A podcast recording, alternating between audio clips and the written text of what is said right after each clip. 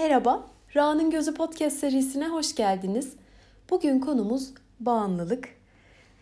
Yaklaşık 40 yıl öncesinden bir kamu spotuna götürmek istiyorum sizi. 80'lerde Amerika'da sıkça yayınlanan bir deney. Bir fare tek başına bir kafese konuyor. Kafesin içine iki tane biberon bırakıyorlar. Bir tanesinde normal bildiğimiz su var. Diğerinde de kokainli su var. Bu zavallı faremiz kokainli suya alışıyor, bağımlı oluyor ve sadece ondan içip her geçen gün daha da dozunu arttıra arttıra arttıra kendini öldürüyor ve bu kamu e, spotunda bir mesaj var. O da diyor ki uzak durun sakın denemeyin yoksa siz de böyle ölürsünüz. Bundan sonra da bunu tabii ki böyle e, bütün ülkede izleniyor ediyor falan filan. Hani uyuşturucuya bağımlılığa bakış bu. Aman ha dikkat e, denemeyin etmeyin e, ölürsünüz durum budur şeklinde. Psikoloji profesörü Bruce Alexander bu deney üzerine düşünüyor ve diyor ki ya bu deneyde fare kafeste tek başına ve önünde sadece iki tane biberon var ve kokain içmekten başka seçeneği yok. Acaba diyor bu ortamı değiştirsek sonuç nasıl olur diyerek koskocaman bir fare parkı kuruyor. Devasa bir kafes, içinde oyuncaklar, farelerin sevdiği çeşit çeşit yiyecekler ve çok sayıda başka fare. Yine ortama e, iki biberon çeşidinden koyuyor. Sade su olan ve kokainli su. Ve bu fareler ikisini de deniyorlar ama şöyle bir sonuç çıkıyor. Hayatından memnun fareler kokainli suyu sevmiyorlar. Deniyorlar ama yani içmeye devam etmiyorlar. Diğer önceki deneylerin tersine hiçbiri de e, bağımlı olup e, bu nedenle de ölmüyor. Sonrasında Profesör Alexander bir şeyi daha merak ediyor. Diyor ki evet tamam bu sefer fare tek başına değil, oyalanacağı, yapacağı, edeceği ve etkileşime gireceği başka fareler, oyuncaklar, yiyecekler var. Peki acaba şöyle bir şey yapsak? Yani e, daha önceden ilk deneydeki düzenekte yapıldığı gibi bağımlı hale getirilen fareleri ben alıp bu fare parkına koysam ne olur? Aynen bu söylediğim gibi yapıyor.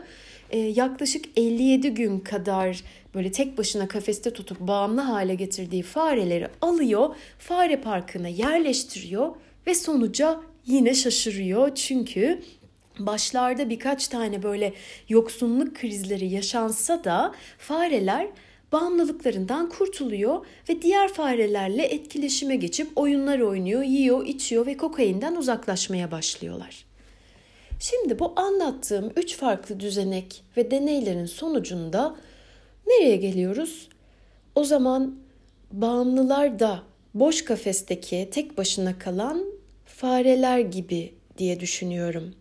Yani e, diğerlerinden farkı bu iyileşen, bağımlı olmayan farelerden farkı belki bunların bir dönecekleri, eğlenecekleri, başka şeylerle ilgilenecekleri bir fare parklarının olmaması. Bu konular benim aklıma neden bu kadar gelmeye başladı? Yakın zamanda bu konudan muzdarip olan bir arkadaşım bana e, kendini şikayet etmeye başladı.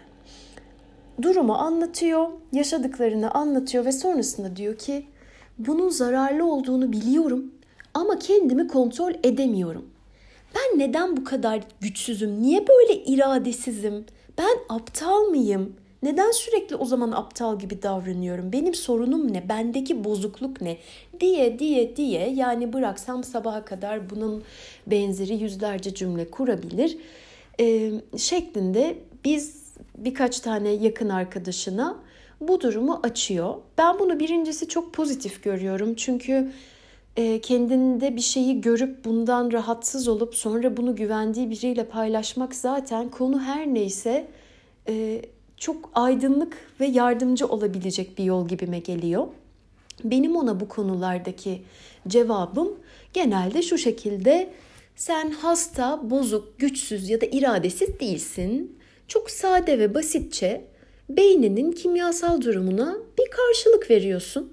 Kendini bu durum yüzünden çok yargılıyorsun. Çok etiketliyorsun. Bunu yaptıkça bu etiketlere daha çok yapışıyorsun ve bu döngü daha çok beslene beslene beslene devam ediyor. Şimdi ben bu çok yargılama ve etiketleme kısmının üstünde duruyorum. Çünkü bunun çok önemli olduğunu ve çok yaygın olduğunu düşünüyorum. Özellikle de bu bağımlılık konusunda. Çünkü birini bağımlı diye yargılamak, etiketlemek, ötekileştirmek, dışarı atmak çok kolay. Özellikle de illegal, sağlıksız, toplum tarafından e, takdir edilmeyen, e, istenmeyen, beğenilmeyen şeylerin içine girip o konuda bağımlı olan insanları çok rahat aşağılayıp ezip işte bu böyle, bu alkol, bu işte kumar, bu işte e, şunu yapar, bunu yapar gibi e, çok rahat etiketleyebiliyoruz. Ama bağımlılık konusu öyle bir şey ki aslında bunlarla sınırlı değil. Yani legal ve herkes tarafından çok normal karşılanan, herkesin günlük hayatının bir parçası olan şeyler de bazı insanlarda bağımlılık seviyesinde yer alabiliyor. Bunun içinde televizyon izlemek, internet, e, ne bileyim böyle aşırı dozda kitap okumak, kendini sadece ona vermek, sadece belgesel izlemek gibi şeyler de sayabilirim. Ya aklımıza gelebilecek her şey bir insanda bağımlılık yaratabilir. Ama biz ne yapıyoruz? Sadece amatemde tedavi edilebilecek şeyleri işte bunlar bağımlılıklar, bunlar kötülükler, bunlar da bunu yapan kötü, aşağılık, iradesiz, zayıf insanlar diyoruz. Ben buna çok karşıyım. Bu arada tabii ki bu etiketlenen maddelere de çok yakın olduğum söylenemez. Yani ben e, hayatı boyunca hiç sigara içmemiş, hiçbir e, madde denememiş, e, işte alkole zaten hiç zevk almayan, hiç kullanmayan, uzak duran bir insanım. Ama yani bu benim bağımlılık potansiyeli taşımadığımı göstermiyor. Belki dışarıdan e, kimsenin beni etiketleyeceği, kimsenin gözle göreceği şeyler yapmıyorumdur ama mesela eve gelince e, kendimi tutamayıp kutularca çikolata yiyip gece kusup ikinci günü normal bir şekilde işe gittiğimi kim anlayabilir? Ya da e, sabaha kadar böyle uğraşacağım başka bir sürü iş, konu, yüzleşmem gereken bir şeyler varken üst üste böyle bütün bölümlerini 3 sezon bitirdiğim bir diziye bağımlı olmadığımı kim söyleyebilir? Bence e, yani buralarda çok büyük bir haksızlık dönüyor. Bu yüzden bunun üstüne bu kadar e, yani bunun üstünde durdum ve altını çizmek istedim. E, genelde de bu bahsettiğim arkadaşım gibi insanlar e, benimle bu konuları konuştukları zaman ya ne mutlu sana sen ne kadar iradelisin işte ne güzel işte e, genç yaşta hiç bunları yapmamışsın şimdi de yapmıyorsun alışmamışsın diyorlar ama ben onlara yani o yaptıkları şeyleri övmek ya da iyi tarafını göstermek falan değil amacım. Sadece şunu söylemeye çalışıyorum. Aslında bu konuda eşitiz. Yani e, ben televizyona bağımlıyım diye e, sen e, bir madde alıyorsun diye ben senden çok daha üstün olmuyorum. Bunu söylemeye çalışıyorum. Şimdi bunun yeterince altını çizdikten sonra e, o zaman farklı farklı algılanıyor ama bağımlılık nedir diye ben bir bakmak istedim. Yani nasıl tanımlarım ben bunu? E, bu gördüklerim, okuduklarım, insanlardan dinlediklerimden sonra ben hala bunun bir hastalık ya da bir bozukluk olduğunu düşünmüyorum. Bu bir meyil, bu sığındığımız bir liman gibi hani bulduğum fırtınada bulduğumuz en yakın limana sığınmak isteriz. Bunda da bağımlılığımız her neyse o bizim ulaşabileceğimiz en kolay konfor alanımız. En basit, en kolay, en rahat ettiğimiz yer. Peki bu bağımlılıklar yani bir madde de olsa, bir kumar olsa işte ya da bir işte televizyon dizi neyse yani şeker, çikolata onu kullanan ve bağımlılık yarattığı kişi için ne vaat ediyor, ne sunuyor ona bir bakmak istedim. Sorduğum insanlardan da yaptığım okumalardan da kendime dönüp baktığım zaman da şunlar çıktı ortak olarak. Rahatlama, konfor, sakinleşme, acıdan, ağrıdan, kaygıdan uzaklaşma, yüzleşmekten sakınma gibi alanlar veriyor insanlara. Yani e, bunların önemi ne? Neden bunları verdiği için gidiyoruz? Çünkü bu muhtemelen o dönemler için, bağımlılık yaşanan dönemler için günlük hayatlarında o insanların mahrum olduğu şeyler. Yani rahatlayamıyor, konforda hissetmiyor, sakin hissedemiyor. Sürekli bir kaygı, telaş halinde ancak bu bağımlılıklarıyla bu noktalara ulaşıp rahatlıyor. E, R.D. Laing'in bir e, sevdiğim bir soru e, soruya verdiği bir cevap var. İnsanlar en çok neden korkar sorusuna bir ölüm, iki diğer insanlar, üç kendi zihinleri diye cevap vermiş ve ben bu üçüncü maddenin bağımlılıklar konusunda çok etkili olduğunu düşünüyorum. Çünkü o sığındığımız liman için konuşayım. Aslında o kaçtığımız fırtına dışarıda değil diye düşünüyorum. İçimizde, ruhumuzda, zihnimizde dönüp dolaşan sorular, hatırlatmalar, belki yargılar, etiketlemer, etiketlemeler her neyse çoğu zaman bundan kaçış için bir yerlere sığınma ihtiyacı oluyor. Peki bunların hepsini topladığım zaman böyle teknik bir tanım yapmam gerekirse ya da bir şeyin bağımlılık olduğunu nasıl anlarım, nedir ne değildir diye bakmam gerekirse şöyle bir sonuca ulaştım. E, Gabor Mate'nin e, çok güzel bir TED konuşması var bu bağımlılık konusunda. E, kendisinin kitapları da gerçekten bu konuda çok iyi. E, benim çok aydınlandığım ve sadece bağımlılık konusunda değil birçok konuda referans aldığım biri. Kendisinin de tanımıyla diyor ki sana geçici huzur, keyif, mutluluk yaşatan fakat uzun vadede zarar veren, negatif sonuçlara götüren ve tüm bunları bilmene rağmen bırakamadığın madde veya davranışların tamamına bağımlılık diyoruz. Ve yine Dr. Gabor Mate'nin In the Realm of Hungry Ghosts kitabında bu kitabı aç hayaletlerin krallığında gibi çevirebilirim. Henüz bir Türkçe çevirisi yok. Olursa çok sevinirim çünkü bu konuda gerçekten çok güzel yapılmış bir e, çalışma. E, burada bahsettiği Hungry Ghost yani aç hayaletler aslında Budistlerin bir tabiri içimizdeki büyük boşluğu aç hayaletler olarak tanımlamışlar ve belki bazılarınız hatırlar biz küçükken Casper diye bir çizgi film vardı. Casper'ın aç gözlü kötü amcaları vardı böyle şişko hayaletler. Her şeyi yerlerdi, yerlerdi, yerlerdi ve bedenlerinin içinden kayıp düşerdi yerlere. O yüzden asla doymazlardı. Ve bu Budistlerin aç hayaletler dediği ve Gabor'un kitabına da isim olan Hunger Ghost dediği şey bu. Yani aslında bağımlılık bu boşluğu sürekli dışarıdan aldıklarıyla doldurmaya çalışan bir süreç. İçimizdeki o büyük boşluğu dışarıdan maddelerle, bir şeylerle, dışarıya doğru işte açılmayla, yaptığımız bazı davranışlarla falan doldurmaya çalışıyoruz. Ve az önce fare deneylerinde anlattığım gibi enteresan bir noktası var yani bu maddeleri deneyen herkes bağımlı olmuyor. Özellikle aman bir kere bile denemeyin sakın. Bir kereden bir şey olmaz demeyin. Ölürsünüz diye korkuttukları ağır uyuşturucu maddeleri bir sürü kişi deniyor. İşte deneyde de fareler denedi. Hepsi bağımlı olmuyor ya da bir dönem bağımlı oluyorlar. Ortamını değiştiriyorsun. O bağımlılık uçup gidiyor. Peki neden? Yani neden bazıları hiç bağımlı olmazken Bazıları buna çok açık, çok meyilli oluyor.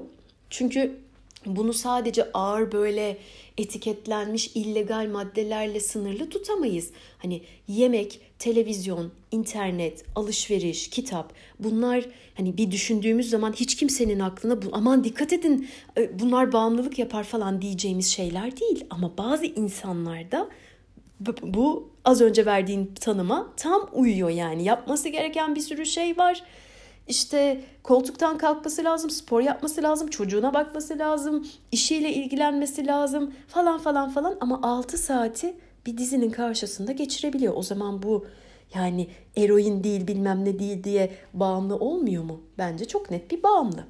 Neyse ee, az önce söylediğim gibi bağımlıları aşağılamak, ötekileştirmek falan falan çok kolay şeyler.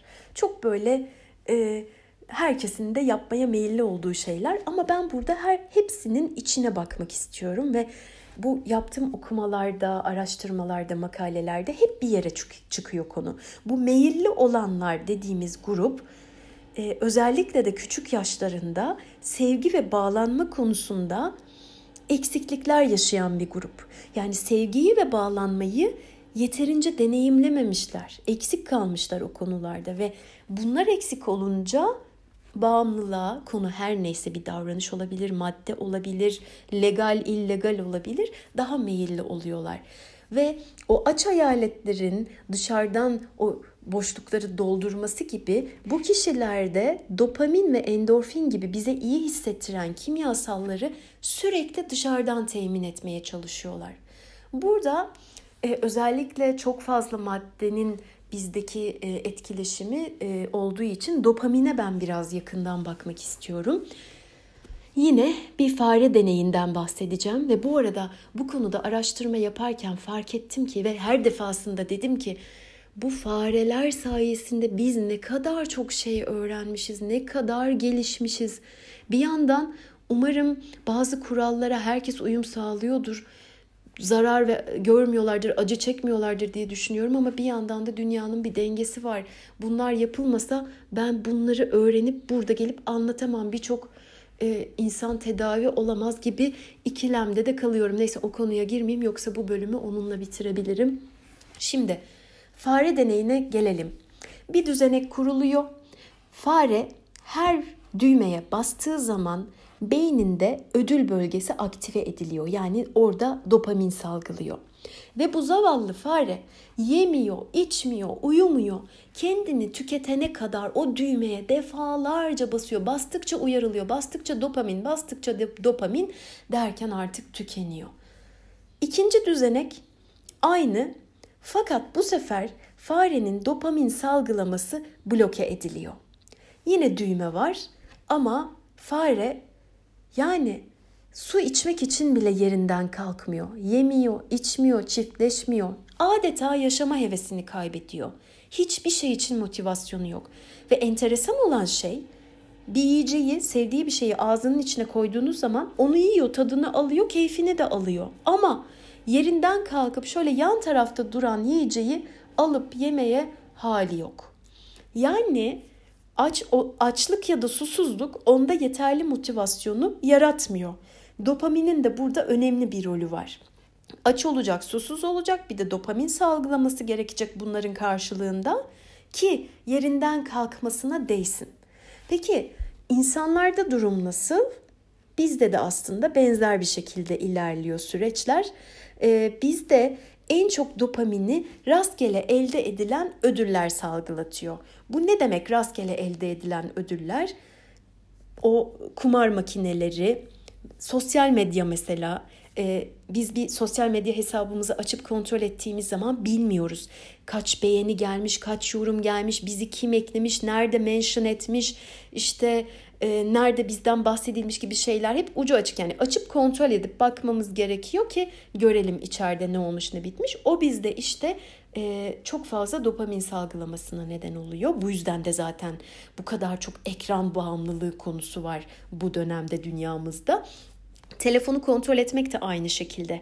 Yani telefonun çalmamış, mesaj gelmemiş, bir şey olmamış, sana böyle bir bildirim gelmemiş ama yani eline telefonu alıyorsun, açıyorsun, bakıyorsun.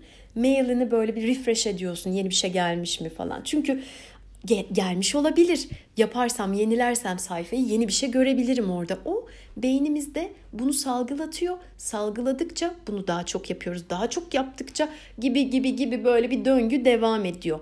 Yani özetle bizde bir şey bizim için az dopamin salgılatıyorsa canımız yapmak istemiyor noktası oluyor. Çok dopamin salgılatıyorsa da başından kalkamayacağımız bir durum. Yani aslında yap, yapmamız, bitirmemiz gereken altı üstü yarım saatlik bir iş varken onu bırakıp onunla uğraşmayıp saatlerce PlayStation oynamak, işte sosyal medyada iki saat rahat rahat geçirmek bir amacımız ve bir sonuca varmadan, bir amacımız olmadan tam olarak bu durumun e, yani insanlardaki iz düşümü diyebilirim.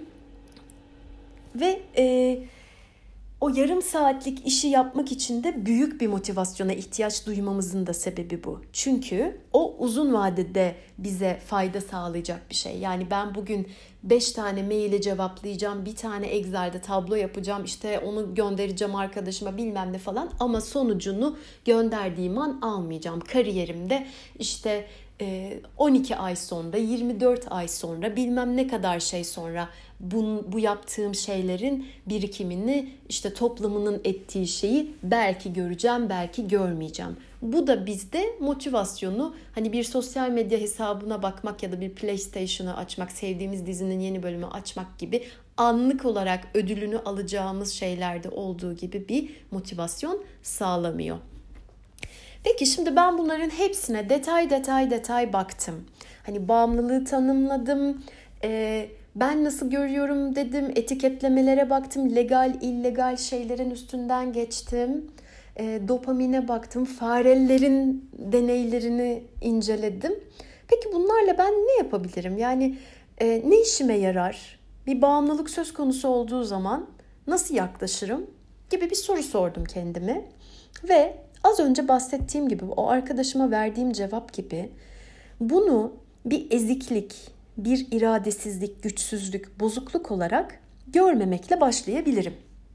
Bu arada yani ileri derecede e, özellikle hani artık e, biyolojik olarak hastalık derecesine varmış madde bağımlılarını bunun dışında bırakıyorum. Tabii ki bu konularda ileri seviyede çok sıkıntı yaratan bir durum varsa yani hangi kurum, hangi doktor ne gerekliyse başvurmak ve o yola gitmek gerekiyor. Ama benim bahsettiğim şeyler daha günlük hayatta daha e, hani ona göre daha az zararlı, daha az öldürücü şeylerden bahsediyorum burada.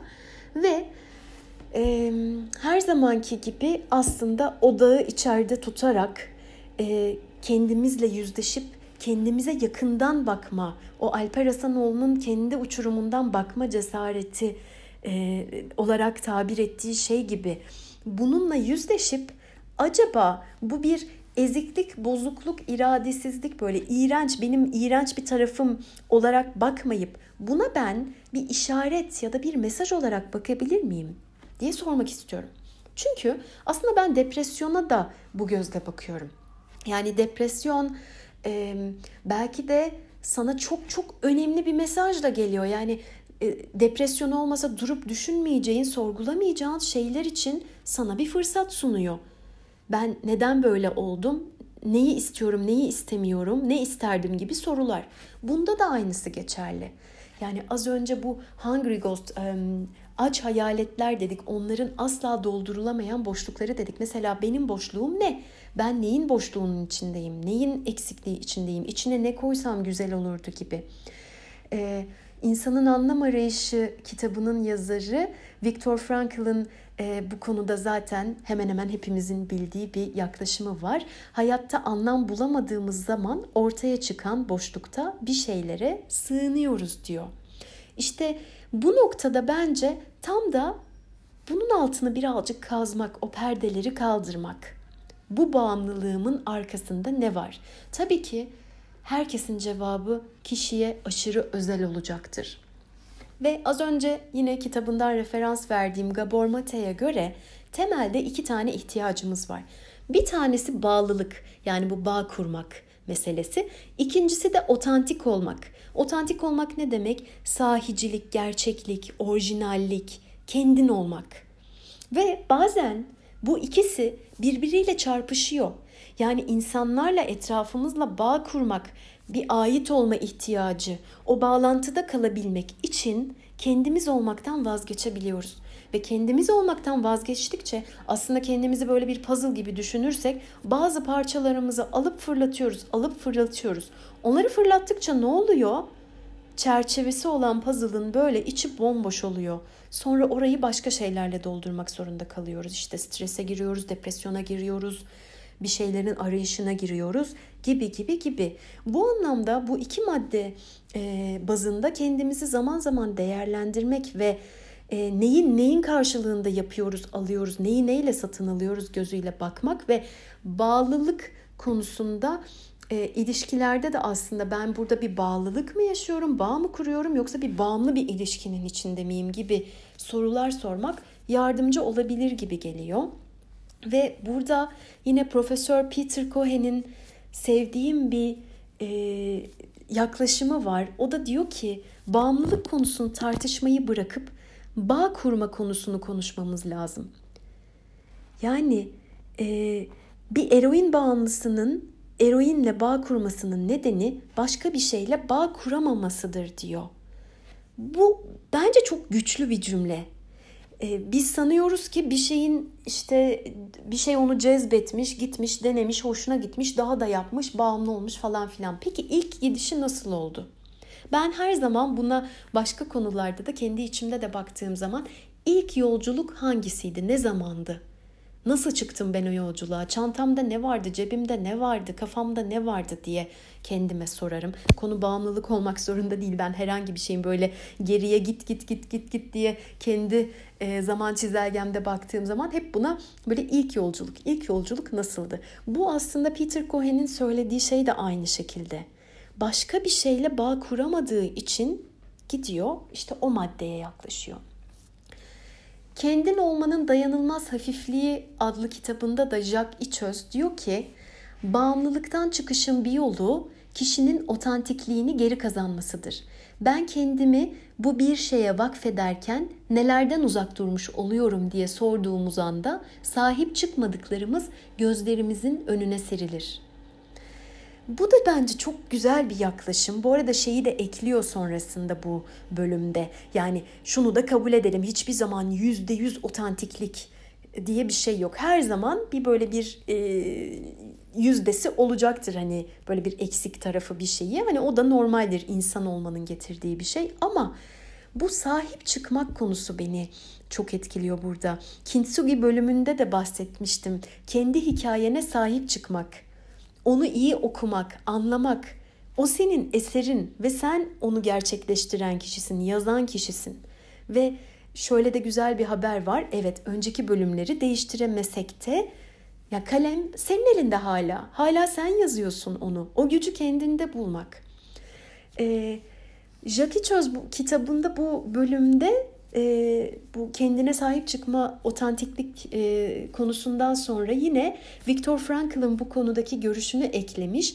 E, diyor ki Frankl'a göre bağımlılıklardan kalıcı ve sürdürülebilir bir şekilde çıkmanın yolu anlam bulduğumuz, bulduğumuz anlamlara sahip çıktığımız hayatlar sürmek. Yani aslında fare deneylerinden başlayarak böyle ne konuştuysam dönüp dolaşıyoruz aynı şeye geliyoruz. O fare parkındaki fareler de aslında bu durumdalardı. Yani tek başınayken kokaine sarıyor ama oyuncakları varken, başka yiyecekler varken, başka fareler varken kokaine sallamıyor yani dönüp bakmıyor bile. Onun için hiçbir anlamı yok. Çünkü o farecik için yapacak bir sürü şey var. Oyun oynuyor, arkadaşlarıyla oynuyor, çiftleşiyor, başka yiyeceklerin tadına bakıyor, geziyor, dolaşıyor. Biz de aslında çok farklı değiliz. Yani e, az önce bahsettiğim o bağımlı dediğimiz bunu çok uzun vadede sürdüren insanların dönüp gideceği, sığınacağı bir fare parkı yok. Belki bu gözle o fareciklerin bize yine bir katkısı olabilir. Kendi fare parkım nasıl olur mesela? Kendi fare parkımı dizayn etmek. Çok güzel bir workshop ismi olur. Yapar da komik ama neyse. Eee bu gözle bakabilirsek çünkü bu o kadar kişiye özel bir şey ki yine her zamanki gibi reçetesi olmayan bir konu. Bana ne yardımcı olabilir diye baktığım zaman zaten bu podcast'te önceki bölümlerde yaptığım konular yani resilience, resilient olmak, kendine yakından bakabilmek, kendinle böyle bir yakınlık kurabilmek, kendinle dost olmak ve yaratıcılık e, bölümlerini daha önce yapmıştım. Hatırlarsanız bir önceki karanlık e, Dark Side bölümünde de aslında o Resilience bölümündeki bilgilerden faydalandığımı söylemiştim. Yani dönüp dolaşıyoruz. Hep yine aynı konulara geliyoruz. Kendimize içeriden bakmak, odağımızı içeride tutmak, anlam arayışımızı bulana kadar sürdürmek, denemek en azından yardımcı olur diye düşünüyorum ve sanırım 85 kere tekrar ettim bu bölümde ama bunu tekrar söylemek istiyorum. Bir insan illegal şeylere bağımlı diye doktorların aa çok kötü bu asla tavsiye etmiyorum dedi dediği işte toplumun işte kumardı içkiydi şuydu buydu dediği şeylere bağımlı diye sizden daha aşağıda ya da daha zavallı, daha güçsüz, daha kötü bir konumda değil. Yani buna e, her şeyi bir tarafa bırakıp saatlerce sosyal medyada gezip sürekli sayfasını yenileyen kişinin e, bu kişilere bir şey söylemeye hakkı yok diye düşünüyorum. Bu konuda bilmiyorum fazlaca hassasım. Çünkü o insanlar zaten kendilerini yeterince kötü, aşağıda, iradesiz ve güçsüz hissediyor. Hiç kimsenin hiç kimseyi daha kötü hissettirmeye hakkı yok diyorum. Ve yani birazcık da şu taraftan tutayım. Döner dolaşır seni bulur karma diyerek Tarkan'ın Karma albümünü gönderiyorum, tavsiye ediyorum. Belki bir yerden bir şeyler uyandırır. Yani anlayışla gitmiyorsa korkuyla gitsin. Korksun ki kimseyi kötü hissettirmesin insanlar diyerek bu bölümü bitiriyorum. Sonraki bölümlerde görüşmek üzere. Hoşçakalın.